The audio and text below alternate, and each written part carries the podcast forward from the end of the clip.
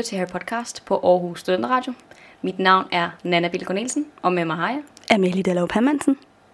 Og i dag, der skal vi til kapitel 16. Det skal vi. Gennem faldlem. vi snakker ind over hinanden. Ja, gennem faldlemmen, lige præcis. yes. Ja, og øh, det er jo lidt sjovt kapitel, fordi jeg troede, der var vildt meget, vi skulle snakke om. Jeg og der er også. også nogle ting, vi skal ind på, og nogle spændende symbolikker, og ting, der sker mellem de her, de her tre hovedpersoner. Men i forhold til sidste kapitel, så var der jo ikke så meget ny information. Nej, rent faktisk ikke. Altså det mest interessante, det er sådan set de her forskellige besværgelser, de skal finde vej forbi for at komme hen til de vise sten. Ikke? Det er sådan set egentlig mest magien, der er fascinerende i det her kapitel. Vi får ikke øh, nogen store afsløringer på samme måde, som vi gjorde i øh, Den Forbudte Skov. Ikke? Nej, helt sikkert. Så det, er- jeg var også overrasket over, hvor få noter jeg faktisk har lavet i forhold til sidste kapitel. Ja, En hel side mindre. øhm, men øh, må ikke vi kommer ind på meget interessant alligevel. oh, det tror jeg. jeg Vi synes i hvert fald også, der er nogle sjove ting at snakke Helt om. sikkert. Vi kan sagtens få lavet nogle gode diskussioner. Det er Ja. jeg slet ikke i tvivl om. Men jeg tænker, vil du lave et lille resume? Ja, lad mig gå i gang. det vil jeg gerne. Det første del af kapitlet, det handler faktisk om, at deres eksamenstid er over. De har været op til de sidste eksamener, og jeg glæder mig til, at det også bliver min tur. Same. ja, det er der nok mange derude, der lytter med, der gør. Ja, og så går det lige pludselig op for Harry, at Hagrid måske har talt over sig den aften, hvor han fik fat i drageægget med Norbert. Og det får ligesom sat hele den her øh, øh, sådan paniske Efterforskningsagtige ting i Ja, ved trioen. Fordi de tænker, at nu bliver vi, vi bliver nødt til at stoppe Snape, hvis han har fundet ud af det her nu. Hvordan man kommer forbi Floppy. Så de, øh, de sætter sig for at skulle øh, stoppe ham. Men øh, det går ikke så godt, så de bliver jo nødt til selv at gå ned gennem faldlemmen om aftenen. For at prøve at nå til, hen til ham, før han får fat i stenen. Mm-hmm. Og så stopper kapitlet så i det Harry han kommer frem. Yes. Så Det er også lidt sjovt, hvor man tænker den der sådan lidt, hvad regner I helt præcis med, I kan gøre, når I så når frem? Men øh, fred om det. Det snakker vi om næste der er gang. flere ting i øh, det her kapitel, hvor jeg undrer mig lidt faktisk. Ja, Men øh, det kommer vi nok sådan lidt løbende ind på. det gør vi helt sikkert. Ja. Det gør vi helt sikkert. Øhm, den første, jeg foreslår, at vi øhm, starter med, det er Harry. Ja, lad os det. Yes. Jeg synes, at øh, han er meget imponerende, faktisk, i det her kapitel. Han udviser meget stor handlekraft, og gør endelig brug af de her analytiske skills, som han i høj grad har manglet tidligere. Ikke? Det var det, vi snakkede om med, at han har haft en tendens til at, at tænke, at det var Snape, der lavede det hele, og han kunne ikke altid lige se sammenhængende vel. Men nu begynder han ligesom at kunne få stykket nogle brikker sammen. For eksempel så får vi den her association, hvor han ser en ugle komme flyvende med et brev, og så tænker han, den eneste, der nogensinde sender ham et brev, det er Hagrid. Så tænker han på Hagrid, så tænker han, der er et eller andet i vejen med, med det der med Hagrid. Hvad er problemet? med- Nå, hvordan fanden kan det egentlig lige være, at en eller anden har fundet på at give ham et drageæg? Det er ret tilfældigt, ikke? Mm. Og så hele den der tankerække, der sidder leder videre til, der er så et eller andet galt her. Ja, Og så tager sig ned og konfronterer Hagrid med det. Der var jeg sådan, you go, ja, godt klaret. ja, ja.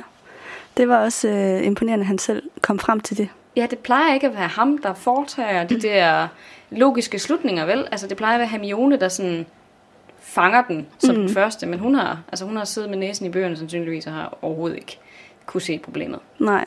Men man kan sige, Harry er jo også den af de tre her, som er mest bekymret over Voldemorts genopståen. De andre, de er ligesom gode til at, eller de får ligesom sagt, okay, nu er det eksamener, det handler om, så kører vi all in med vores energi på eksamenerne, mm-hmm. hvor at Harry han er mere sådan, prøv at høre, der er andet, der er vigtigere ting i livet end eksamenerne. Ja. Jeg er meget mere bekymret for at blive slået ihjel af Voldemort, end om, hvordan det går i forvandling. Altså, Helt sikkert. øh, og der kan man jo sige, at han har øh, på en eller anden måde ret. Der er vigtigere ting i livet end en eksamen, ikke? Ja, hvad var det i? Var det i Flitwigs, hvor de skulle få en ananas til at danse? Ja. I hans eksamen, og så McGonagall, der skulle de forvandle en tændstikæske, eller en, øh, nej, en mus til en dåse snustobak. Ja. Er det ikke rigtigt nok? Jo, det var sådan noget. Jeg synes, de er så fede, de der eksamener. Det vil Ja. jeg fandme også hellere lære. Nogle sjove ting. Men man kan godt forstå, at det ikke er så seriøst for ham i forhold til det, han ellers går og bøvler med. Ja, som at tro, at han bliver slået ihjel. om Ja, ja. Helt sikkert, helt Ja. sikkert. Men jeg synes faktisk næsten, jeg har lyst til lige at læse den her tankerække op, som, som Harry gør. Eller i hvert fald sådan hele den her overvejelse, han har. Ja. Han siger nemlig, altså ham og, Hermione og Ron, de løber ned mod Hagrid, og de er sådan, der sker noget. Og så siger han, synes du ikke, at det er et underligt tilfælde, siger Harry, i det han masede sig op af den græsklædte skråning.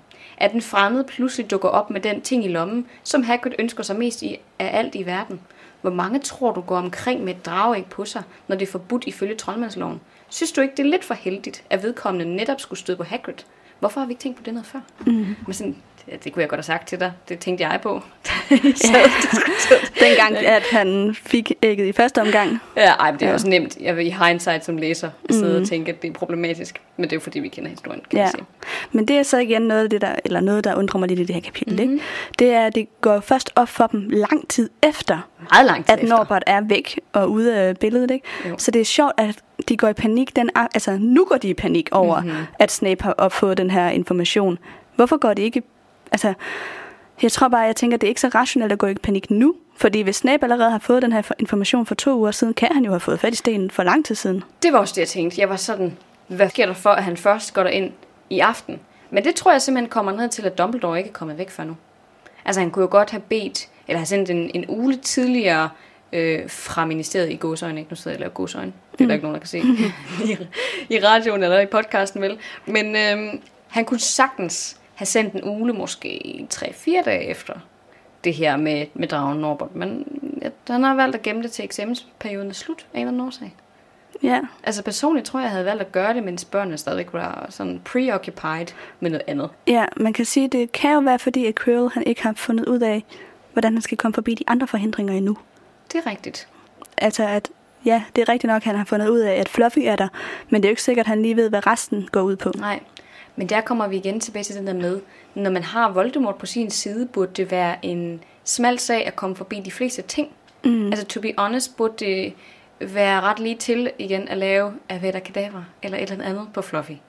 Hvis man skulle sådan tage den helt voldelige, voldsomme tilgang, så er der ikke nogen grund til at lave en harpe og stå og spille noget musik, hvis man bare kan øh, rydde de ting af vejen, decideret, Ja, ja. som er foran en. Ikke? Vi kan sige, Voldemort er jo også stadigvæk svækket på det tidspunkt, så jeg ved ikke, hvor stærk han er. Nej, Det kan godt være, at det ikke er en reel mulighed. nej, jeg ved ikke, om Voldemort overhovedet kan udføre magi. Nej, det ved jeg heller ikke. Det kan Altså, være... han kan jo sige til Quirrell, du skal lave, hvad det kan det være, men det er heller ikke sikkert, at Quirrell kan finde ud af at lave den besværgelse.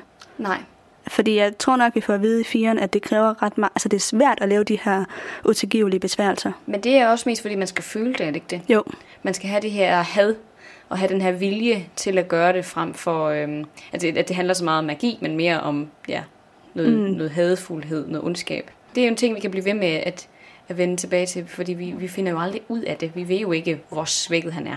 nej, det er det. Han har dog lige fået ingen blod, så der burde lige være sket Ja, en ja, boost, ikke? det er rigtigt.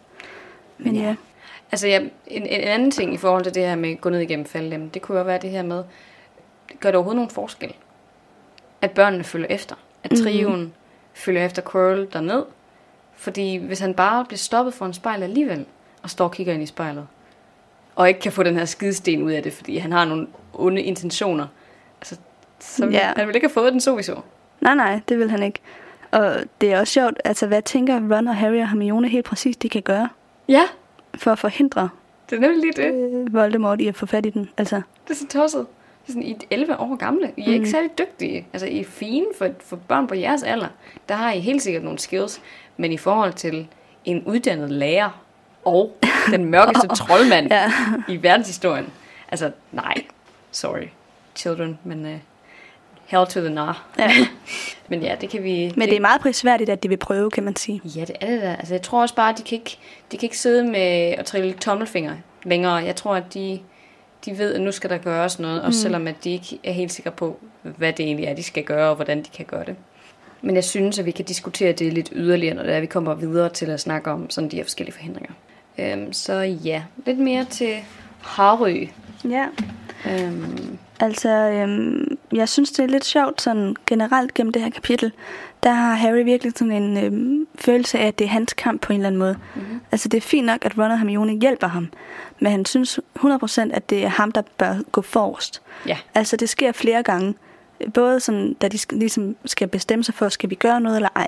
Der siger Harry jo bare, jeg gør det, jeg gør det, I behøver ikke. mm-hmm. Så tager de også med. Så kommer de hen til Fluffy, og han siger, jeg hopper først ned gennem lågen, fordi vi ved ikke, hvad der sker dernede. nej, det er det. Altså, så han hvis har hele tiden sådan en trang til at gå forrest. Ja, det er rigtigt. Han har den der med, hvis der sker noget, hvis jeg kommer til skade, så skal I ikke hoppe efter mig, I skal sende en ul.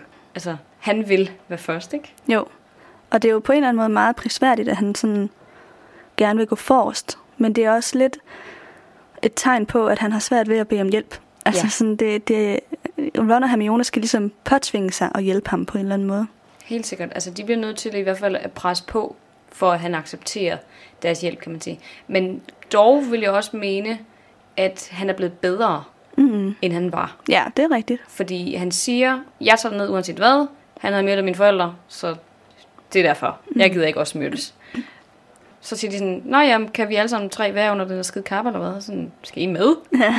ja, selvfølgelig skal vi med. Og så er sådan, okay, fint nok. Ja. Altså han accepterer det ret hurtigt i forhold til tidligere. Der var han meget sådan, nej, ja, det er for farligt, og det er ikke jeres kamp. Og nu er han sådan, okay, fint. Ja, jeg tror faktisk, det er, fordi han er bange. Ja. Tror du ikke det? Jeg tror, vil han gerne have dem med.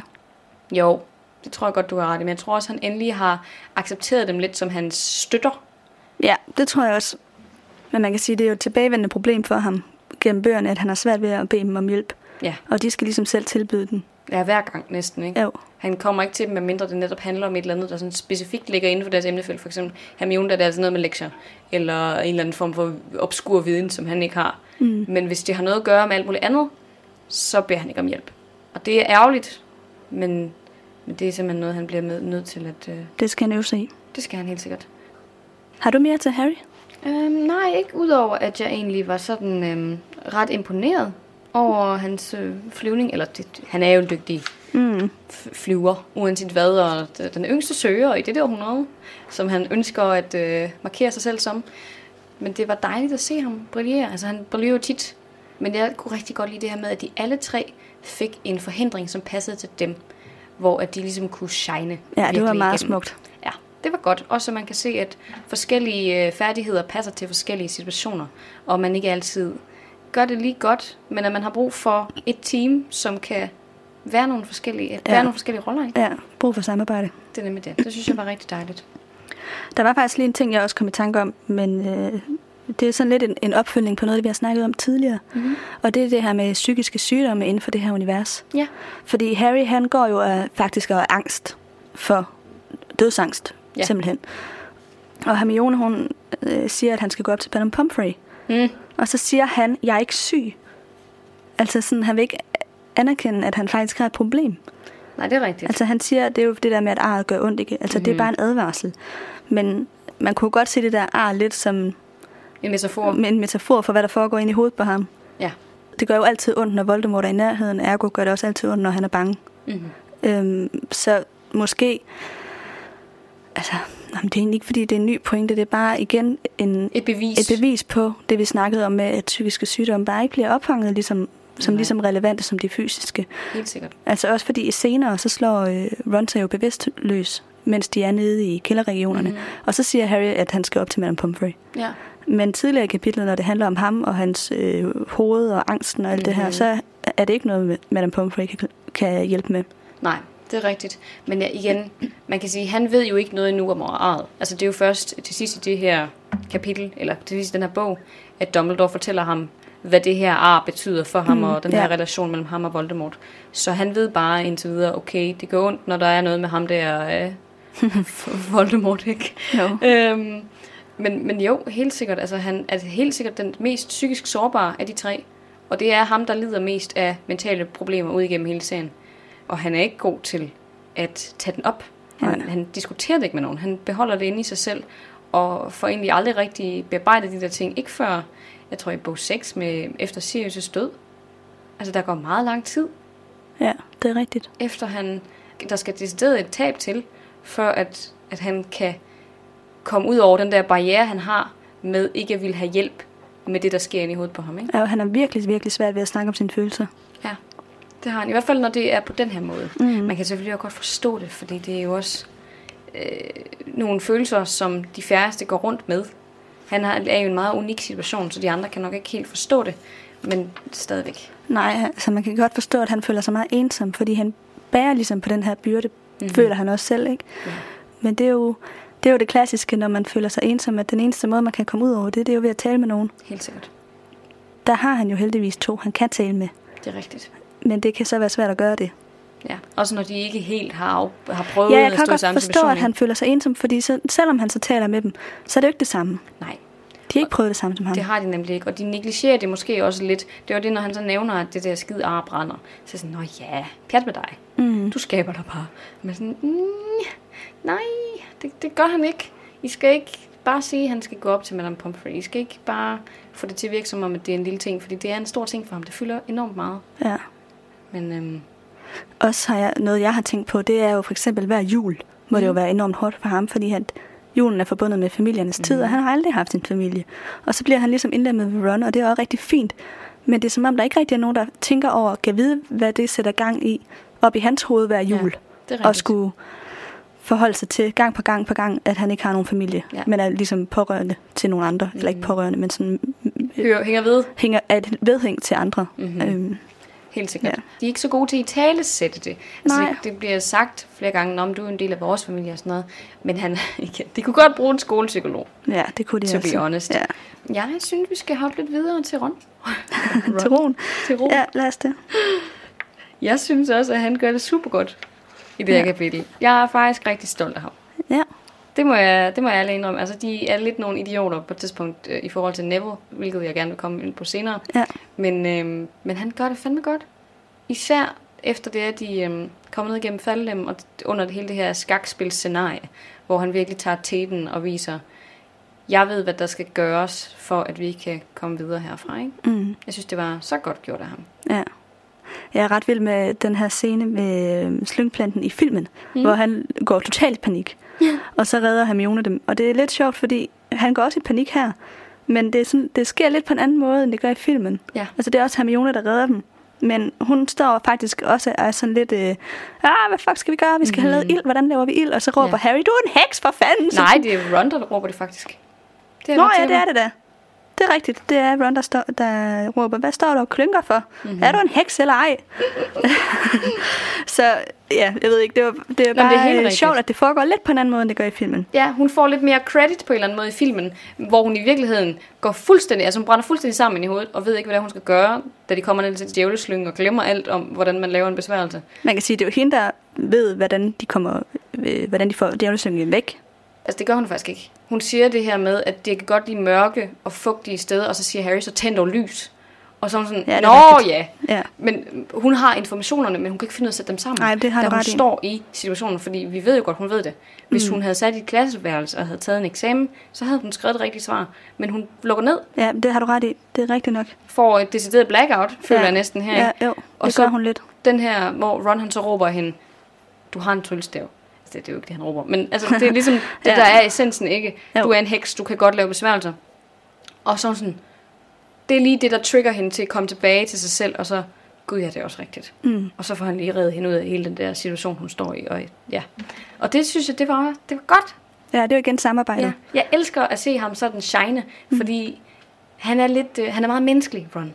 Han. Ja. minder meget om alle os andre. Han er, han er sådan lidt mere den jordnære af de tre, den som er sådan måske lidt egoistisk og lidt jaloux og alle de her ting. Jo, Han er ret menneskelig. Hermione, hun bliver tit idealiseret, og Harry, han er bare, han er bare the chosen one, ikke? Men Ron, han minder lidt mere om, om et, sådan et, et helt menneske, der også har ret mange fejl. mm. og så har han jo en fantastisk humor. Han har en fantastisk god, han er så Ja. skøn. Ja, Men når han så virkelig shiner, så sidder jeg bare sådan, yes, ja. Din dejlige lille ginger. Ja. Men jeg tænkte over, at grunden til, at de måske har lavet den her scene om i filmen, det er måske fordi Hermione, hun får jo ikke lov at shine med elixierne i filmen. Nej, Der har de jo ikke den scene med. Så for at hun også får lov at ligesom vise, hvad hun kan Mm-hmm. ved en af udfordringerne, så har de jo så bare brugt, altså, brugt Ja. den her scene til det. Det tror du er helt ret. Øhm, ja. Det giver rigtig god mening. Der var egentlig en anden ting, jeg havde i forhold til det her med Ron og så skakspillet. ja, Han vurderer jo efter at have stået og, og har spillet og har placeret dem på nogle forskellige øhm, ja, pladser, hvor han så har sat sig selv som, øh, som ridder. Så siger han, efter at have stået og overvejet, hvordan kommer videre herfra, at, at nu skal han jo ofre sig selv. Han bliver nødt til at, at gøre sådan, så han bliver slået ned, så Harry kan sætte kongen i skak, men ikke? jo. Og så siger han, sådan er spillets regler. Man bliver nødt til at ofre sig for spillet. Og det synes jeg bare var så signifikant for hele serien, at man anerkender, vi spiller et spil. Det her, det er det gode mod det onde. Og jeg bliver nødt til at gøre det, som er rigtigt, hvilket i den situation er at ofre sig. Mm. For at tingene kan blive forløst, ikke? Jo, det var meget, meget smukt. Jeg kom faktisk til at tænke lidt på øh, Hvidstengruppen. Ja. Der er jo det der øh, quote til sidst, eller Mm. også er det i starten af filmen, det kan jeg ikke huske, men der er sådan ligesom, hvor øh, scenen er sort, og så står der bare med hvid skrift, nogen må dø for, at andre kan leve. Ja. Og det er, altså, den måde Ron han ligesom får det her sagt på, det er mm. meget sådan øh, frihedskæmperagtigt, som ja. jeg offrer mig for altså, et større fællesskab, en højere sags tjeneste. Helt sikkert. Han ved godt, hvad der skal til, for at de to andre kan komme videre, og han er villig til at, at gøre det. Også fordi han nok godt ved, at hans del af det her er udspillet. Han er ikke lige så intelligent som Hermione, og han har ikke den samme rolle i det her, som Harry har. Mm. Han kan ikke gøre de samme ting som de to andre, så derfor er han godt klar over, det er nu, jeg skal vise mit værd, og det er ved at ofre mig her. Også fordi han er den eneste, der er i stand til faktisk at spille skak. Ja. Ikke? Så, Jo, så jo. det, han, han må tage den tete, og han står på den position, hvor han skal ofre sig selv. Øh, men jeg har egentlig også overvejet lidt, kan vide, om han har tænkt på, om det kan slå ham ihjel. Det tror jeg, han har. Ja, Jeg tror faktisk, han forventer at blive slået ihjel. ja. Det, Det tror tror jeg jeg. også, han gør. Jeg synes, den måde, han siger det på, er øh, ligesom sådan en, nu stopper spillet for mig, de Ja. andre fortsætter. Altså sådan, jeg, øh, jeg dør af det her. Ja. Også fordi, at de, øh, de siger tidligere, at en af brikkerne bliver trukket ud Mm-hmm. mm. øh, og øh, rejser sig ikke op igen. Ja. Altså sådan, det, det bliver ligesom øh, impliceret, at når først en brik bliver taget af det andet hold, så er Mhm. den væk for evigt. Det er nemlig det. Altså, så siger de så bagefter, at han bliver i hvert fald slået helt bevidstløs. Øhm, og vi ved jo også godt, at han overlever det. Men jeg vil sige, at risikoen for at dø er ret høj, når du får sådan en granitarm i hovedet. Ja, Altså, det ville de fleste mennesker også dø af. ja. Så det kan være, at McGonagall hun har lavet en eller anden besværgelse, der skulle gøre det mindre hårdt, gøre, Ja. at de ikke ville dø af det. Fordi, ja, jeg ved heller ikke helt, hvad pointen skulle være med det. Fordi det er jo netop pointen, at du skal dø af det, så du ikke kommer hen i stenen. Men det gør han ikke. Altså, han Ja, med mindre det er, fordi man gerne vil fange dem, som prøver at komme ind til stenen. det kan selvfølgelig godt være. Så hvis det er, man, altså, så, så de bare skal skades nok, til de kan komme videre, Ja. men ikke dø, fordi så kan de heller ikke blive straffet. Det er rigtigt. Men så tænker jeg også, trolden ville sandsynligvis have slået mig ihjel, ikke? Det kan og du ret i. Snapes elixir ville sandsynligvis også have slået mig ihjel. Djævleslyngen ville også have Ja, okay, du har ret. Du har ret. Det er egentlig kun Flitwigs, som er sådan sød. Ja. Men, men jeg ved ikke, det kan jo være, at de har lavet sådan en modificerende øh, variable. Det kan Men også de være, her- det er fordi, at Ron han er så lav, fordi de er jo børn. Oh, ja. Så den der, det kan godt være, at granitarmen i virkeligheden ville have ramt... Ja, de snitter ham. Altså, ja, bare snitter ham. Fordi at han, altså, altså Ja. hans hoved er ikke der, hvor den granitarmen forventer, at ja. hovedet skulle være. Det kunne godt være, det kunne godt være en forklaring. Altså jeg tænker også, det kan simpelthen være, at de har lavet en ekstra foranstaltning, der hedder, hvis det er børn, Ja, der kommer herned ja. og spiller, så vil de ikke blive slået lige så hårdt. Det kunne også godt tænkes. Måske. Det kunne også tænkes generelt, at alle udfordringerne vil være mere skånsomme mod dem. Ja. Hvilket forklarer, hvorfor de overhovedet kan komme igennem. Det ville det faktisk være en rigtig god forklaring. Ja, fordi jeg har undret mig lidt over sådan de tre 11-årige. Mhm. Mm-hmm. Hvordan kan de gå igennem de her udfordringer, som er lavet af lærerne, og som er lavet til, at ingen skal kunne komme igennem? Helt sikkert. McGonagall, hun siger også noget af det samme. Jeg, jeg vil gerne lige finde den. Jo, her er den. I tror måske, at I kan overgå vores bedste besværgelser. Men sådan, hun har jo helt ret mm. i det her. De er sygt dygtige troldmænd og hekse. Altså, og de har gjort deres bedste for at kunne beskytte den her sten. Ja, Så de burde de burde ikke kunne komme igennem. Nej. nej. Så Det kan være, at hele den her forhindringsbane har set markant anderledes ud for Quirrell. ja, Måske. det har jeg ikke tænkt på før nu, men det vil faktisk give rigtig god mening. Ja, det vil i hvert fald give bedre mening, mm. end at de tre skulle kunne fylde direkte i hans Fodspor. fodspor. Ja. Ja. Man kan sige, at der er jo mange af forhindringerne, der godt kunne nedjusteres til mindreårige. Ja. Altså, nøglerne flyver måske lidt langsommere, Mm-hmm. og øh, det kan være, at jeg ved, jeg, at trolden ikke er lige så aggressiv, hvis det Ja. er en mindreårig, der kommer derned ved et tilfælde, og skakbrikkerne har måske også været indstillet til at spille skak på et meget lavere niveau. Ja, det kan sagtens Øhm, være. så der kan være mange af de der... Djævleslyngen ved jeg ikke lige helt, hvad forklaringen skulle være så. Jamen, det kunne være, at den simpelthen ikke havde kvalt dem, men måske bare fanget dem, og så trukket dem ned til jorden, og så havde de lagt sådan lidt i sådan en Det kokon. kunne godt, ja, det kunne godt i stedet forestille sig. for. Ja. Det er lidt ligesom, når man, når man spiller computerspil, ikke? så kan man sætte på nybegynder, og så Ja. ja. intermediate, og så øh, advanced. Ja. Ikke? Det kan være, det er lidt noget af det samme, der er tale om her. Altså igen, det er jo magi. ja, ja. Så Alt kan jo forklares ved hjælp af magi, kan man sige, så det, det kunne det. sagtens... det vil ikke være umuligt Nej. i den her verden, at, at man simpelthen kunne sådan, ja, modificere ja. Ja. niveauet, Efter alder. sværhedsgraden. Mm. Det synes jeg er meget grineren. Jamen, det er en rigtig god overvejelse faktisk. Det kunne, ja, det kunne forklare nogle af de issues, man har med, med den her forhindringsbane i hvert fald. Ja. Ja, jeg tror ikke, jeg har mere til run. Nej, lige det har jeg heller ikke. så lad os hoppe øh, videre til Hermione. Ja. Noget øh, vigtigt ved hende, synes jeg, der sker i det her kapitel, udover at hun jo selvfølgelig også viser, hvad hun kan, Mm-hmm. og som hun jo gør ved den her elixir-udfordring, Ja. hvor man skal tænke logisk, så finder vi også ud af, hvad hendes største værdier er. Ja. Fordi øh, de når jo frem til den sidste udfordring, og der er kun nok elixir til, at den ene af dem kan gå ind til de vise sten. Mm-hmm. Og øh, der siger Hermione, at det skal være Harry, fordi han er dygtigere end hende. Ja, hun siger egentlig ikke, at han er dygtigere. Hun siger bare, jo, Harry, du er en stor troldmand, at du ved det. Og så siger han, jeg er jo slet ikke så dygtig som du. Og så siger hun, der er mere i livet end dygtighed. Ja. Og så nævner hun selv venskab og mod. Mm-hmm. Så venskab og mod vægter højere for hende.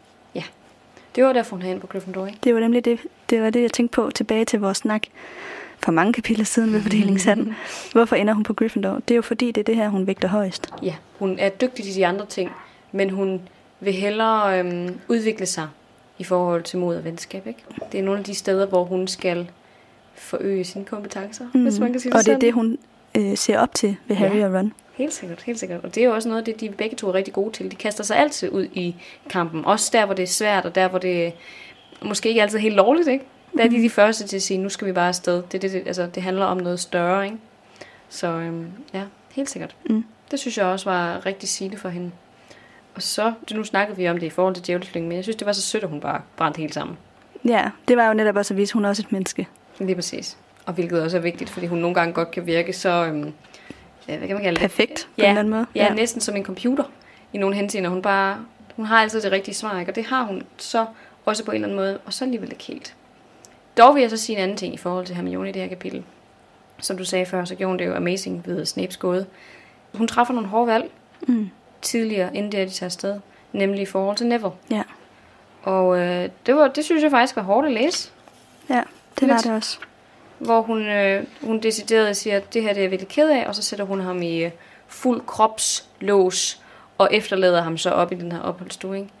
Og der, der er man sådan, au, Ja. Jeg undrer mig over, hvorfor de ikke tog ham med i stedet for. det havde ikke duet, tror jeg ikke. Det tror du ikke? Jeg tror, han havde øh, holdt dem tilbage. Ja. Han skulle ikke med ned i de der, de der gangværk. Han havde sandsynligvis været skyldig. Der skulle et eller andet, der ville være gået galt. Det tror jeg. Det tror jeg i hvert fald, er det, de har ja, tænkt. Det er nok, ja, det er nok det, de har tænkt, men det ved jeg ikke, om han ville. Måske. Altså, Tror du ikke det? Jo, det er bare, fordi jeg så godt kan lide ham. Jamen, han er også men det er rigtigt sød. nok, men det er rigtigt nok, han er jo ikke så dygtig en troldmand endnu. Nej, og jeg tror heller ikke, han ville kunne tænke klart. Og lige den her situation kræver virkelig for det første godt teamwork, og for det andet, at man er i stand til at tænke klart. Ja. Øh, og han er ikke så god til nogle af delene. Han vil jo rigtig gerne, og han mm. bliver også markant bedre til det, jo ældre han bliver. Ja. Men han vil ikke kunne klare nogle af de her udfordringer. Det tror jeg simpelthen ikke, han vil. Nej, det er måske rigtigt nok. De har ligesom brug for nogen, der i hvert fald kan tage teten.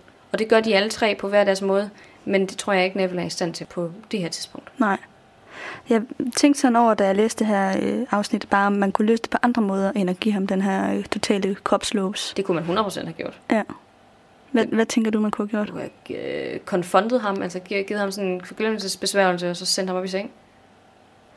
Ja. Det er ikke sikkert, de er gode nok til at lave sådan nogle besværgelser. jo. Nej, det er rigtigt, men jeg tror, at Hermione, hun allerede har øvet det. Det vil ikke undre mig. det kunne godt være.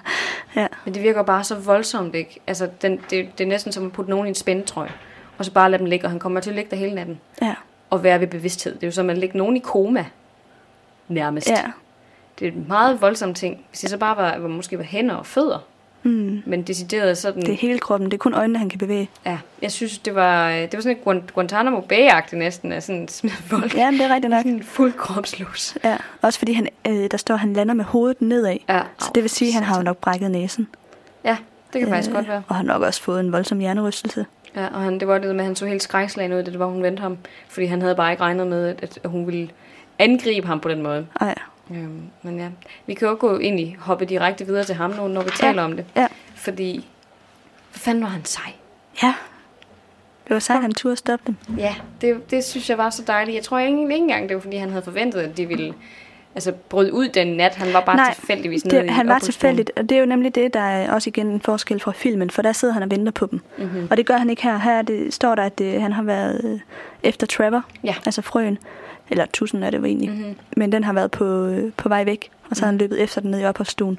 Og det er derfor, han møder dem. Det er nemlig lige præcis det. Og så udspørger han dem så om det her med, når man skal ud igen eller hvad, fordi han kan høre, at de taler om den der kappe. Og sådan, I må ikke gå ud, I bliver bare fanget igen, og så vil Gryffindor få en masse problemer. Og så øh, siger han, jeg vil ikke lade jer gøre det, og hvis øh, I gør det alligevel, så bliver I nødt til at slås mod mig. Hvor Ron så råber af ham, at han skal ikke stille sig i vejen, fordi han han er en kæmpe idiot, at han gør det. Mm. Hvor han er sådan, du skal fandme ikke kalde mig en idiot, du skal... Ja. Du har selv sagt til mig, at jeg skal lære at stå imod sådan nogle ting her. De har jo en god grund, kan man sige, i en eller anden udstrækning, for at de skal ud. Men jeg kan fandme godt forstå ham. Og jeg synes, det er så flot, at han tør stå op mod folk, som han virkelig respekterer. Altså, han har jo puttet dem op på en pedestal. Det har han. Ja, han ser virkelig op til dem. Ja. Og så alligevel at vælge at sige, jeg ved, hvad der er rigtigt. Og det her det er for jeres eget bedste. Nu gør jeg det her, selvom jeg godt ved, at jeg kommer til at tabe den her kamp, uanset hvad. Mm. Så tager jeg alligevel konsekvensen. Ja, og det var mig meget, meget smukt af ham. Ja, han er virkelig vokset meget på det her år. Ja, det er jeg han. er så stolt af ham.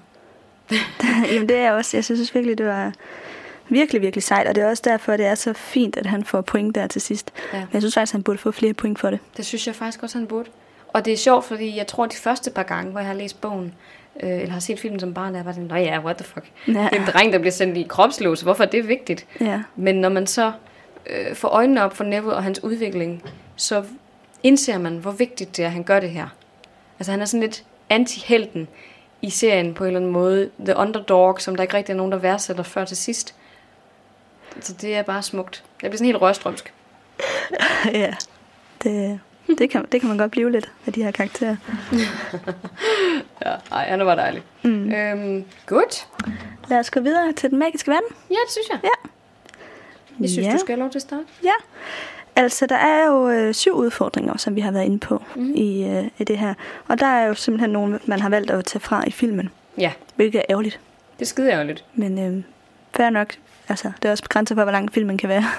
Det er rigtigt. Men, øh, men der er syv udfordringer, og det tror jeg ikke er helt tilfældigt. Nej. Syv, det er jo et magisk tal. Og jeg har slået op på Pottermore, der forekommer faktisk øh, tallet 7 14 gange i bog 1. Okay. Ja. Jeg har ikke tænkt over det så mange andre steder. Mm, nej. Ved du, hvilke andre steder, der forekommer syv? Mm, for eksempel, at øh, Harry er født i den syvende Mhm. mm-hmm. måned, i juli måned. Ja. Men nej, der stod ikke eksempler. Der stod Var- bare, at det kom syv gange. Var der ikke også noget med uh, Gringotts uh, bankboksen, at det var... Der var også et syvtal i. Ja, var det- 713. Ja, lige præcis, lige præcis. Det var også det, jeg tænkte. Og så har der sikkert været syv courses uh, af mad ved nogle af de der borde. Det har der eller sikkert, ja. Sådan nogle syv senge på en sovesal. Ja. Hvad ved jeg. Der er jo også syv flasker, ja. Ja, præcis. Og så syv udfordringer. Så der, ja, i alt skulle der være 14 gange i løbet af okay. den her bog, faktisk. Det kan man jo lige uh, se, om man kan finde de 14. Mm. Det er jo et magisk tal. Syv. Mm. Det er jo det magiske, eller det mest magiske af dem alle, ikke? Ja. Hvis man går op i sådan noget numerologi. Ja. ja. Men øh, det, øh, det fortsætter der også med at være meget med, med tallet 7 gennem de andre bøger. Okay, det kan ja. være, at man lige skulle sådan prøve at lægge lidt mærke til sådan Ja, generelt. hvor, hvor opstår det henne, ikke? Jo, det er altså meget sjovt. Mm. Har du mere i forhold til det? Ikke i forhold til tallet 7. Jamen, øhm, du kan bare få lov til at fortsætte, tænker jeg. Eller Okay. hvad har du ellers? Jamen, jeg har undersøgt lidt om, fordi at øh, i starten af kapitlet, der øh, snakker Hermione om, at der var nogle ting, hun slet ikke havde behøvet at læse op på, fordi hun slet ikke bliver spurgt ind til det. Mm-hmm. Og det var Elfrik den Ivrige, hvem han var, og så var det Varulvenes adfærdsreglement af 1637. Mm-hmm. Og så tænkte jeg, kan jeg vide, hvad det er? Det har jeg lyst til at vide, så det har jeg slået op. Og Alfred den Ivrige, det var åbenbart en nisse, som var ansvarlig for en øh, opstandsgruppe for lang tid siden. Og det har åbenbart været sådan en kæmpe opstandskonflikt, der men har det, været. Men det er jo generelt det her med de her nisseoprør, er det ikke det? Jo, At det taler de jo om, hver eneste gang næsten de taler om magiens historie, så kommer de tilbage til de her nisseoprør, blodige, blodige nisseoprør, hvor Ja. ja. tusindvis af troldmænd og nisser har myrdet hinanden på slagmarker og sådan noget. jo, jo. Altså det lyder meget voldsomt, og det er sjovt, ikke? når det er sådan ting, som de ellers ikke rigtig taler om. Ja. Ja, og man kan sige, at han har også været vigtig nok til at komme med i magiens historie. Mm-hmm. Det der med varulvenes adfærdsreglement. I 1637, der prøvede Ministeriet for Magi at lave nogle regler for, hvad du skal være ansvarlig for som varulv. Mm. Så de havde inviteret en masse varulve ind, for at skulle skrive under på det her øh, reglement om, at de, øh, altså sådan for eksempel, et eksempel var, at de hver måned skulle lukke sig selv inde på det tidspunkt, hvor de er i varulveform, for at undgå, at folk blev angrebet. Ja. Det der så bare er, det at der var ikke rigtig nogen varulve, som har skrevet under, fordi der er ikke nogen, der gider at komme ind og vise, at de er varulve. Nej, selvfølgelig ikke. Så ministeriet har ligesom bare sendt ud med post, eller sådan til alle, alle jer, der er varulve, I skal komme her ind og skrive under på det her reglement, men der kom ikke nogen. Det er også en nem måde lige at få registreret alle dem, som er problematiske, ikke? Jo. Det lugter sådan også lidt, Jo. hvis man har dårlige intentioner eller 2. verdenskrig, så er det en nem måde lige at få lavet sig et varulveregister. Og så kan man gå hen og banke på ved dem. Lige præcis. Ja, ikke? Så det kan jeg godt forstå. Hvis jeg havde været en varulv, så havde jeg sgu nok heller ikke Ej, dukket vel? op. Det havde jeg heller ikke. Nej, ikke... Øh, Øh, på allerede på det her tidspunkt var det jo virkelig et stigma Ja. at være varulv. Det har det altid været. Så det er jo klart, at det ikke virkede det her. nej, man skal i hvert fald sikre sig 100%, at man kan stole på, på den regering, som sender sådan noget her ud, inden det er, at man øh, viser sit ansigt, ikke? Mm. Og være 100% sikker på, at du ikke bliver slået ihjel det øjeblik, du dukker op. Ja, og erklærer bliver sendt til Askeban. Ja, for satan. Ja. Okay. ja. Øhm, Men øh, det er faktisk det, jeg har til den magiske verden. Ja, det lyder rigtig interessant. Altså, jeg har egentlig bare lige gennemgået øhm, tre af de øh, udfordringer, vi kommer igennem. Sådan set. Den første, det er Fluffy, som jeg gerne vil nævne her. Og det er i forhold til Hagrids kommentar, hvor han siger, hvor mange hunde med tre hoveder har man lige chancen for at møde, selv på Hogwarts? Og så tænker jeg, bum, der har vi et bevis for, at Fluffy ikke er den eneste. Fordi det kan godt være, at der ikke er mange, men der er alligevel flere end Fluffy. Ja, Ikke? det er rigtigt. Altså, så øh, der må være flere trehovedede væsener. Og jeg tror heller ikke på den der med, at der kan eksistere en af noget.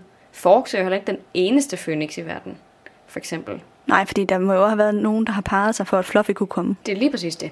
Så jeg øh, er sikker på, nede i Grækenland, hvor Fluffy kommer fra, der findes der flere trehovedede hunde. Og i sidste afsnit, der sagde jeg jo det her med, at Fluffy blev sendt ud i den forbudte skov efter den her bog.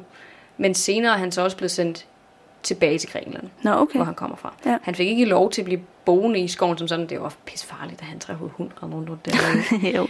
Men han er blevet til sidst sendt tilbage til Grækenland, hvor han kommer fra. Så det er godt, og der bor sandsynligvis flere ala Fluffy i Grækenland. Det vil jeg bare lige understrege min mm. pointe. Og så vil jeg gerne snakke lidt om øh, djævleslyngen. Ja. Det er jo en kæmpe stor slyngplante med mange af sådan nogle små øh, slyngklatre, arme, ranketing. Jeg ved ikke lige helt, hvad man skal kalde det. Ikke lige frem øh, øh, biolog. Men den fanger så simpelthen dem, der rører ved den, for så til sidst at kvæle dem, ikke? Og den foretrækker mørke og fugt, som vi også har sagt, og den fjerner sig ved lys og varme. Men Hermione hun ved jo det her, fordi at de har haft Ja. botanik. Botanik, ja. Men jeg tænker, det er en meget usædvanlig plante at have. Hvorfor lærer man elever på første år om den her djævleslynge? Ja. Kan Altså- jeg vide, om den er uden for Putte skov?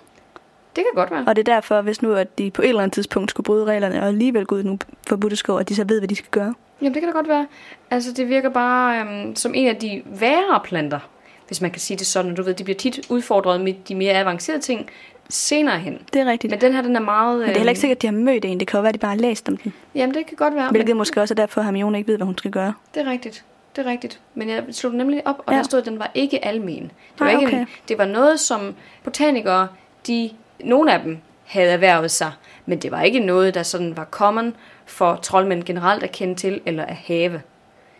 Så ja, altså man kan sige, de interagerer jo også med flere forskellige avancerede ting, men i forhold til det niveau, alle andre fag ligger på, der virker det sådan lidt, ja, Mm. lidt for avanceret. Ikke at de skulle have den specifikke plante som en del af deres pensum. Ja. Så det undrede mig bare lidt. Det er jo dumt at sige til førsteårseleverne, ah, se den her fancy plante, hvordan slår man ihjel? Jeg Ja. putter den ned under slottet. Ja. Ja, det er ikke så gennemtænkt. Øhm, og så havde jeg lige forhold til det her med, øh, ja, med, med nøglerne, som vi faktisk også allerede har diskuteret, at den er ikke kan slå nogen ihjel. Ja, det kan de i filmen, fordi der bliver de Ja. sådan aggressive, ikke? Det gør de øh, nemlig, men det gør de Men ikke i bogen, der er de ikke. Nej. Nej, det er nemlig det øjeblik, han fanger nøglen, så fyrer de alle sammen hen efter døren, ikke? og er lige ved at spide dem på de der små, syle, skarpe nøglehoveder. Øhm, men jeg synes bare, det var så pudsigt det her med, at der stod koste dernede også. Altså man overhovedet havde muligheden for at flyve efter de her nøgler. Hvorfor giver man løsningen i forhindringen? Hmm. Hvorfor sætter man ikke bare en mur op, eller altså, Ja. laver et, et puzzle eller et eller andet, som ikke kan løses. Jeg forstår ikke den her med, at man laver en forhindringsbane, som, som er mulig at komme igennem. Men tror du ikke, det er for, at Dumbledore skal kunne komme ind til stenen på et, et tidspunkt? Jo, men kan han ikke have en eller anden gennemvej eller et eller andet? jo. Altså, det er for fanden Dumbledore. Jamen, jeg ved det ikke. Jeg synes bare, at der burde være... Um, der burde, det, det burde være mere uløseligt. Ja, det er for nemt, at der står tre koste. Det, er, det er meget nemt. Og så, der, hvorfor skulle det lige være tre koste? Altså, det er vel kun én person. Dumbledore er jo, kan jo ikke splitte op, selv er vi tre. Så Kan jeg vide, om Dumbledore har vidst, de vil prøve, det tror jeg faktisk. og så har sat tre koste derned. Enten det, eller også så har Quirrell lavet sådan en Accio-kost Mm. ned til de der nøgler. Jamen, så skulle der bare kun komme en. Ja, det har også undret mig. Jeg tror mest på, at det er fordi Dumbledore, han ved, at de tre skal prøve at komme igennem, Ja. Og så har han gjort det sådan, at de kan. Mm. Men så er spørgsmålet bare, hvorfor fanden han forlod slottet? Ja, Der er ligesom noget her, ja ikke? det er rigtigt, der er noget, der ikke helt hænger sammen. Ja, jeg ved ikke, altså det kan være, at han netop har lavet sådan lidt nogle foranstaltninger i fald, de valgte at følge efter. Men jeg ved det ikke. Altså, Det er jo ikke, han ved jo nok ikke, det lige er i aften, de vil prøve på det. Nej, det er rigtigt. Men han burde tænke, okay, nu forlader jeg skolen. Obvious time. Altså sådan lidt, ikke? Jo. Jamen, jeg, jeg, jeg ved det ikke helt. Det er sådan, der er nogle ting her, der ikke er sådan helt logiske. Er der lidt nogle løse ender? Ja. Er hvis der er nogen, der har nogle gode idéer til, hvordan det her øh, kunne forklares, så skriv endelig. Ja, helt sikkert. Ja, de der koster, de forvirrer mig. Ja. Men, men det bør ikke være så nemt, at man bare kan valse lige forbi. Jeg kunne godt lide Snapes. Snapes, den var dejlig. Den var sådan, nu bliver du bare fanget mellem to flam, altså to bål, ikke? Og så kan du bare blive siddende der, hvis du ikke kan finde ud af at komme videre. Og så gør man altså ligesom fortjent til at komme igennem den sidste ild, hvis man kan løse det der, den der gåde. Men de andre, igen, er fanget i din nøgle. Det handler jo bare om tid Ja, ja. i sidste ende, ikke? Jo. Ja, det ved jeg ikke, det var lidt tosset. Øhm, men det var sådan det, jeg havde til Ja. den magiske verden. Så er det jo ugens tema. Ja. Jeg har tænkt, at det er sådan lidt, eller det der frihedskæmper noget med Ron, altså at det måske skulle være sådan noget selvopoffrelse, eller du ved, sådan en, mm. øh, ja, det ved jeg ikke, en offring af sig selv. Ja. Jamen, det, altså offer sig selv i den, den gode sags tjeneste. ja, lige præcis. Fordi det gør de jo alle tre, og på en eller anden måde også Neville. Ja, det kan du faktisk ret i. Det synes jeg var en rigtig god tanke. Altså, jeg havde egentlig mere tænkt noget, der var så standard til overvindelse af forhindringer. Ja. Ja. Jeg kan bedre lide din, Ja, mildest talt. Men du har helt klart ret, der er... De offrer sig selv på... Øh, på hver deres måde. ja, det gør de godt nok. Det... Altså Neville, han offrer ligesom sit venskab på en eller anden måde. Mm. Han, Mhm. han ved i hvert fald godt, at hvis han stiller sig op mod dem, så er det ikke sikkert, at han kan blive venner med dem. Nej. Så det offrer han for, at øh, det samlede kollegie klarer sig fint. Ja. Og så er der Ron jo, som vi har snakket om, som i virkeligheden offrer sit liv, tror han. Mm-hmm. Og, øh, og Hermione, altså hun, ja, jeg ved ikke lige helt, hun offrer måske ikke noget sådan, sådan lige, man kan sige spot on. Nej, men man kan sige, det faktum, at hun virkelig har forkastet alt i forhold til at tage med på den her nattevandring Ja, ja, ja. og risikoen for at blive smidt ud. Nu siger hun selv, jeg bliver ikke smidt ud, fordi at jeg fik over øh, hvad var det, 112 procent rigtigt i den her test, så de vil- kan ikke finde på at smide mig ud med sådan et øh, resultat. Men der er jo stadigvæk en reel risiko. Hvis man skader nogen, så er det fandme ligegyldigt, hvor dygtig mm. man er. Jeg tror ikke, at det er en god nok pointe, at hun, bare fordi hun er en dygtig heks, at hun så kan få lov til at blive, hvis hun laver noget decideret ulovligt. Ikke? Nej, det tror jeg ikke. måde. Det tror jeg ikke. Så det kan være, at hun, hun offrer sig ved til sidst at embrace 100%. Nu går jeg med det her og gør noget, som kan resultere i, at jeg bliver faktisk decideret smidt ud. Ikke? Jo, helt sikkert. Ja, og så offrer Harry jo, hvad kan man sige, også på en eller anden måde sit liv. Han ved jo heller ikke, om han overlever det her. Nej, det er rigtigt, men jeg tror... Altså, han er- kører så meget på adrenalin lige nu. Jeg ved godt, at han øh, på vej ned til Hagrid, der er han sådan, jeg dør, og oh my god, og Voldemort kommer efter mig. Ja. ja. uh, Og vi skal derned, fordi ellers bliver vi myrdet. Men han har den her dødsdrift. Han kører altid mod det, der er farligst. Ja, ja. Og, og jeg ved ikke, han har det lidt på en anden måde med det der med døden. Jeg tror ikke, at han, han helt har forstået, at han faktisk godt kan dø. Altså, det, jeg føler først, at han får den der rigtige revelation i de senere bøger. Blandt andet, da han ser Cedric dø. Og så til sidst i syveren, hvor han decideret går mod sin egen død. Mm. Han gør det på to meget forskellige måder her i den første bog og i bog 7. ja. Det synes jeg. Det gør han, det gør han. Der sker også noget med ham. Ja, jeg tror ikke, han har... Altså, han ved, der måske er noget Voldemorts-agtigt et eller andet, men han, jeg tror ikke helt, han forstår, hvad det, det betyder. Jeg tror ikke, han forstår, hvad det betyder at dø endnu, hvis du forstår, hvad jeg mener. Ja, jeg forstår, hvad du mener. At han har måske ikke helt den samme respekt for døden endnu. Nej, jeg tror, han har sådan en barnlig Uovervindelig. Øh, hed. Ja. Ja. helt sikkert. Det tror jeg faktisk. Ja. At, og han finder sinder ud af, at det, det er ikke tilfældet. Så ja, ja. that is pretty interesting. Så er det fri leg. Yes. Jamen, øh, jeg har jo fulgt lidt op på, der var øh, noget, vi blev i tvivl om i sidste afsnit, Ja. hvor vi blev enige om, at det må vi lige dedikere et afsnit til. Eller ikke et afsnit. lidt tid til i Ja. det her afsnit. Det var det her, øh, vi snakkede om med, hvorvidt at man har måttet lave tortur på Hogwarts. Ja. Altså fordi Filch, han siger det her med, at han i gamle dage måtte hænge eleverne op i anklerne og sådan noget. Mm. Og så snakkede vi om, kan jeg vide, hvad for nogle former for afstraffelse man tidligere har brugt, og hvor længe man Filch har arbejdet der. Kan det passe, at han har brugt torturmetoder? Og det har jeg fundet ud af. Fysisk smerte har man faktisk brugt. Man havde noget lignende spanskrør indtil 1986. Okay. Noget lignende. Ja, det var ikke det samme som spanskrør, men det havde samme funktion. Jeg ved ikke lige helt, hvad det var. Det, det var en eller anden magisk ting, som man har brugt til at slå eleverne med. Okay. Ja, de siger bare, at det er den magiske ekvivalent til spanskrør. Okay. Og det mener man, han har brugt indtil 1986. Damn. Ja, 86, så er det Ja. faktisk lige sluppet. ja stort set. Huhej. Og hvad hedder det? Fields, han får faktisk lov til under Nidkærs regime at bruge pisk. Mm-hmm. Men han når faktisk ikke at bruge den, fordi der er så mange, han vil piske, at han slet ikke kan bestemme sig. så først så vil han bestemme, eller jo, så bestemmer han sig for, okay, jeg tager Fred og George. Det er dem, der skal tage den først. Men det er så... Øh, De når at stikke af. De når at stikke af. Så øh, han når ikke at få dem brugt. Hvor griner han? Ja, Ej, men oh han my skulle god. efter sine have gået rundt med den der pisk i hånden til sidst i bog 5. Med, med, sådan, med blikket på de elever, som han var sådan, dig, altså dig, Præcis. altså dig. Og så fordi han blev så excited over, hvem han skulle piske, så kunne han ikke bestemme sig. Fuck, hvor griner han. Altså Ja. også mega sygt, ikke? Jo, men... Det viser virkelig, hvor sådan sadomasochistisk han er, ikke? Ja, At han bare har den der vilde lyst til at udføre tortur. Hvorfor fanden har de ham ansat på skolen? Ja, Det er jo sygt. ja. Men fandt du ud af, om han havde lavet det der nummer med anklerne? Det har han ikke. Det har han ikke. Er det Ej, bare en... det er noget, han godt kunne tænke sig. Aha. Men det tror man ikke på, fordi Dumbledore, han blev, øhm, hvad hedder det, rektor Mm-hmm. omkring øh, 68, starten af 70'erne, 71 okay. måske. Der er ikke nogen, der ved det helt præcist, men omkring 70. Så han har faktisk ikke engang været Og- det mere end 30 år?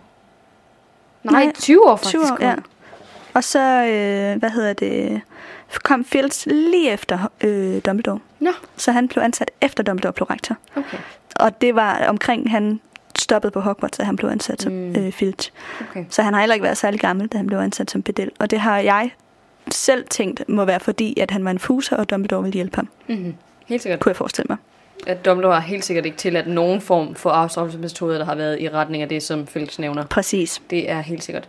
Så det der med anklerne op i kæder og sådan noget, det, det er Filch, der finder på. Nå, okay. Godt nok. Men, øh, men, Men ja. han virker bare så gammel. Altså, hvis vi siger, at Filch han blev ja, ansat i starten af 70'erne samtidig med Dumbledore, og han er teenager, så er han nogen 30-agtig ja. nu. Ikke? Ja, jo. Sådan et eller andet. Eller sidst i 30'erne, måske start, start 40'erne. Han er, ligner en gammel mand Ja. i filmen. Han ser så gammel og slidt ud. Han ligner sådan en eller anden, der kunne være 50-60. Altså ikke, at det nødvendigvis er gammelt, vel? Men i forhold til at være 40, så er det altså gammelt. Der er godt nok lige gået et eller andet galt der, er det ikke det? Jo, der er man i hvert fald castet en, som så noget ældre ud, end han skulle. Ja, for fileren. Men det, gjorde, det er jo ligesom med McGonagall. Ja. Hun skulle også være en, i 40'erne eller sådan noget. Ja, ikke? Og jo, det er jo, øh, hvad hun hedder. Øhm, Maggie Smith. Ja, Maggie Smith. Hun, Hun er jo noget ældre. Ja. Ja. ja, hun er mega nice og mega god med Mhm. McGonagall, det er ikke det. Men det passer ikke med... Med karakteren. Bogen. Nej. Nej, det gør det nemlig ikke. Det er helt rigtigt. Og det er godt nok lidt sjovt. Det, Ja. øh, ja, jeg kunne godt tænke mig igen, det er det der med, at jeg vil gerne have diskuteret Filch mere sådan, som karakter. Ja. Men han har bare ikke, der har bare ikke været plads til ham. Nej, men det skal vi nok komme til på et senere tidspunkt, for der er meget om ham. Huh, Ja, men det har jeg ikke øh, gået mere ind i til i dag, Nej. fordi jeg tænkte, der var andet, vi skulle snakke om. det er der helt sikkert. Men jeg har faktisk lige en sidste ting til det her med afstraffelse. Ja. Og det er, at den tidligere pedel, Mhm. mm-hmm. han hed Apollon Pringle. Hmm? Og Apollon, det betyder ødelæggeren på øh, latinsk. Okay.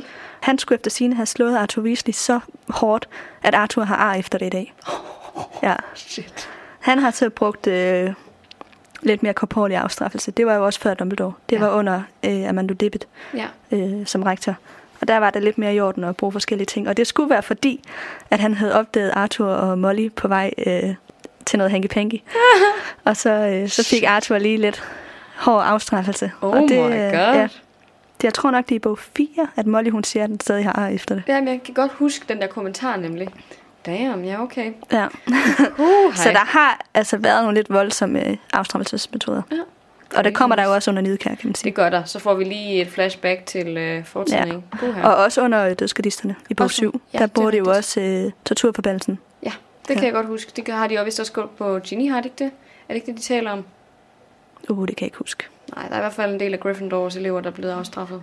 Jeg tror nok, at øh, Ginny hun fik at vide, at hun skulle gøre det på førsteårselever, og det nægtede hun. Det kan godt være. Ja. Det kan vi komme til i bog 7. Det kommer vi tilbage til. Okay. Ja. Så vil jeg gerne nævne et par ting. Ja. Jeg har jo nemlig fundet ud af lidt i forhold til både skakspillet og i forhold til snabsgået med de mm. her elixier, som jeg ikke har nævnt i den magiske verden. Med vilje. Uh, Ja, ja, ja, ja, der er jo en pointe der det hele, ikke? det, er jo det, det er jo det vigtigste af, de, af alle udfordringer, det er jo de her to. Det er derfor, Mm. jeg har gemt det. ja. Øhm, og jeg vil gerne starte med McGonagalls skakspil, fordi jeg tænkte, kan jeg vide, om der er noget symbolsk ved placeringen af de her skakbrikker og dem, de kommer til at repræsentere. Personligt spiller jeg ikke skak, så bær over med mig, hvis jeg siger noget forkert, eller bare ikke lyder sådan super intelligent. Men jeg har fundet det her inde på, øhm, på Reddit faktisk, hvor der var en bruger, der havde skrevet det her ned. Ja. Og jeg, efter at have læst det, tænkte jeg, det er jo bare, det er jo bare korrekt. ja. 100%. Det er sådan et sted, hvor øh, fans skal skrive deres egne idéer eller teorier ja. omkring, hvordan Helt sikkert. symboliserer det er det, sådan og et det, og det, og sådan forum noget. med, med, noget, med en subreddit, der handler om, øhm, om Ja. Harry Potter. Ja. Men de tre, de er jo øh, designeret, øh, hvor Harry han er løber, eller det, der hedder en bishop på engelsk. Ron han er en springer, eller en knight, hvilket er, hvorfor han er den der hest, ikke? Og Hermione, hun er et tårn, eller en rook. Og så starter vi bare fint ud med Hermione. Hun er jo et tårn. Og det er en meget stærk brik, men den er begrænset til at kun at kunne gå i lige linjer. Den kan ikke gå skråt. Og det har den her person så øhm, hypotiseret til, at Hermione hun er dygtig, men hun bliver begrænset af sin egen logik og skråsikkerhed, altså i forhold til, hvordan verden er. For eksempel i forhold til sådan noget som spot om.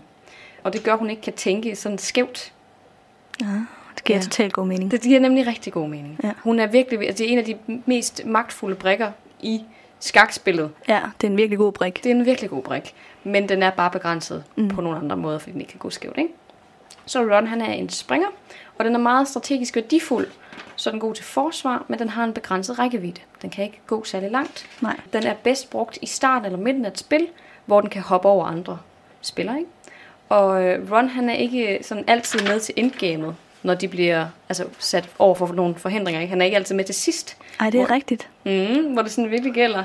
Men han er tit meget brugbar i starten og i midten af en, en problemstilling, ligesom han er lige her. Ej, men det faktisk. giver så god mening. Det Det, sker jo flere mening. gange, at han... Det, altså, ja. Lige også i bog 3, ikke? Han er altid ligesom med for til at lave de der vigtige moves, som hjælper de andre videre. Ja. Det er han rigtig god til. Og så Harry som den sidste, han er øh, så den her løber, ikke? Og den er ikke lige så stærk som tårnet. Men den er mere altid end springeren. Den kan bevæge sig mere rundt, ikke? Men den er meget stærk, hvis den har backup fra andre brikker. Og det betyder så, at hvis nogle af de andre brikker kan være med til at lokke for eksempel kongen i en fælde, så kan han meget nemmere tage den. Hvilket mm. også er det, der sker Ja. i det her skakspil. Ja. Øhm, og det skulle så være en metafor for, at Harry han er simpelthen, han fungerer bedst i samarbejde med sine venner. Ja. Alene er han ikke lige så meget værd, og han stiller tit sig selv i situationer, hvor han er alene, men han bliver, så, altså, han bliver gang på gang bekræftet i, at han simpelthen er stærkest, når han er sammen med de her to. Ja. Og det synes jeg var så rigtigt. så god mening. Gør det ikke det? Jo, det gør det. Det er virkelig sådan en eye-opener. Det giver helt vildt god mening. Fuldstændig. Ja. Altså, det er jo 100% noget, hun har tænkt igennem. Men jeg synes bare, igen, når man ikke selv er skakkyndig, så skal man blive nødt til at finde nogle andre gode tanker. Ja, ikke? altså jeg spiller faktisk ret, eller det gør jeg ikke længere, men jeg har spillet ret meget Ja. skak. Men jeg tror ikke, jeg sådan lige har tænkt over, Signifikansen mm, dem. nej, altså hvorfor får de lige... Det eneste, jeg har tænkt over, det er, hvorfor vælger Ron øh, springeren, fordi den synes jeg er en lidt træls skakbrik. Jeg synes, ja. løberen og tårnet øh, har meget mere magt. Ja. Så jeg har på den måde har undret mig over det, men det giver jo god mening, fordi han er jo også den, der er øh, altså sådan Strategisk, strategisk og er hævet over de der, altså han får Ron og Hermione, nej, slået, han får Hermione og Harry til at placere sig rigtigt. Det er nemlig lige præcis det. Han kan ja. bedre have det strategiske overblik, og så ved han, at hvis han kan redde de to væk fra fare, og så ofre sig selv, fordi han ikke er lige så meget værd, ikke? så vinder de spillet på den måde. Ja. Og det, altså, det er jo super gennemtænkt. 100%. Øhm, så havde de hypotiseret lidt videre, gav vide, hvad Voldemort havde valgt, når han stod her. Ah. Ja. Og så var pointen så, at han havde sgu nok valgt at være kongen, Ja, ikke? det tror jeg også. som er den mest magtfulde brik, og så bare dirigeret alle de andre rundt og have offret dem, som mm. nu skulle offres, hvor han ikke selv udsatte sig selv for fare, hvilket er meget Voldemortagtigt. Og så den sidste. Men man kan sige, at kongen kan jo kun rykke et, et skridt. Det er rigtigt. Den kan næsten ikke rykke sig selv. Nej, den er nemlig ikke særlig stærk på den måde. Nej. Men hvis han aldrig nogensinde udsætter sig selv for far, så betyder det jo ikke så meget, vel? Nej, det er rigtigt nok. Og så var der Dumbledore. For ja. kan vide, hvem Dumbledore ville være. Og så var pointen, at Dumbledore ville være dronningen. Ja. Fordi dronningen sætter sig selv direkte ud i kampen, og tør godt ofre sig selv, og sætte sig selv ud der, hvor der er far. Ikke? Jo, og kan både gå skrå og til side, mm.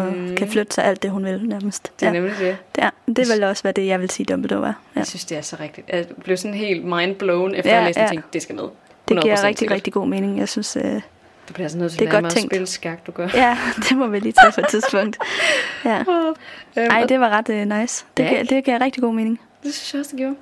Og så har jeg en sidste lille ting. Det er bare en mini-mini i forhold til Snapes gåde, ikke? Ja. Fordi jeg har altid tænkt, jeg vide, hvad fanden de der forskellige gifteting så var? Fordi hun har jo den her lange, øh, der er den her lange, Ja. lange gåde. Smøre med øh, den. Tre er giftige, og tre er... Lige præcis. Jeg, jeg ved ikke helt, om vi gider læse den op.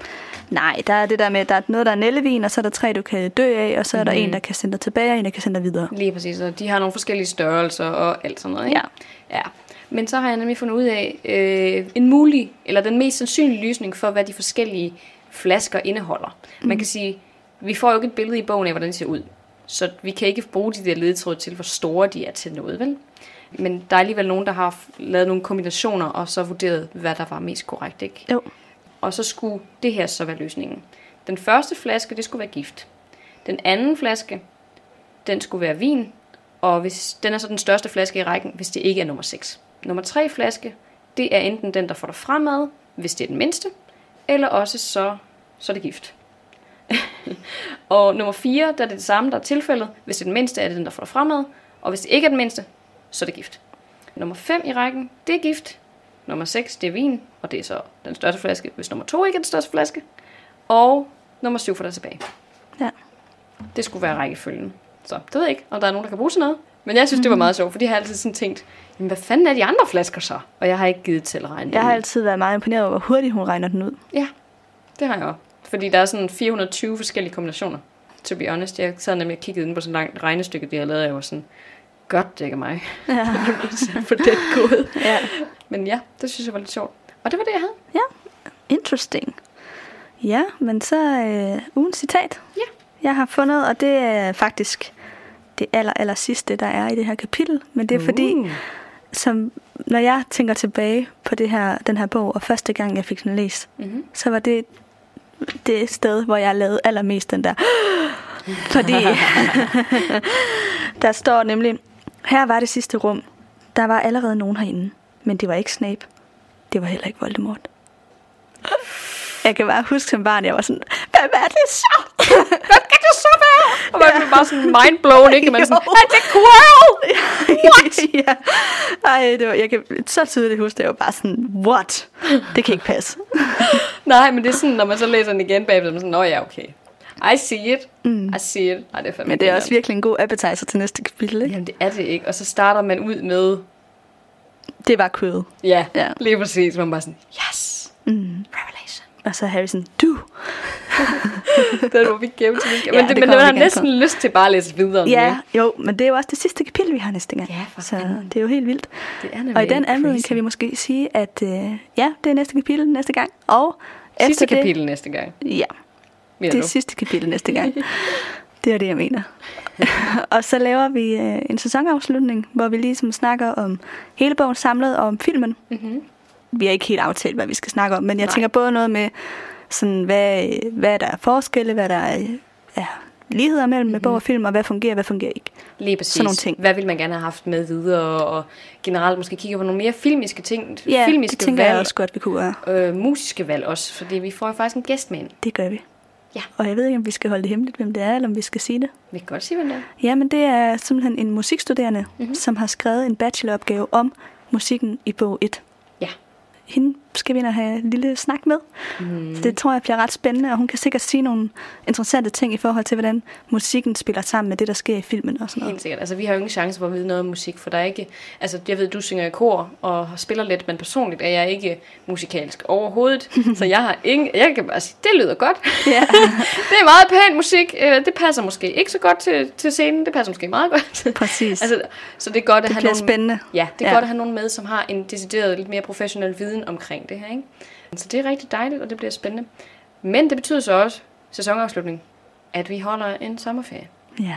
Det, er Vi skal nemlig- ud og rejse begge to. det skal vi nemlig. Og så sker der jo også det, nu er vi jo begge to kandidatstuderende. Og øh, det betyder på et eller andet tidspunkt praktik. Og det betyder også praktik for både Amalie og jeg. Her i efteråret, faktisk. Og jeg smutter til København.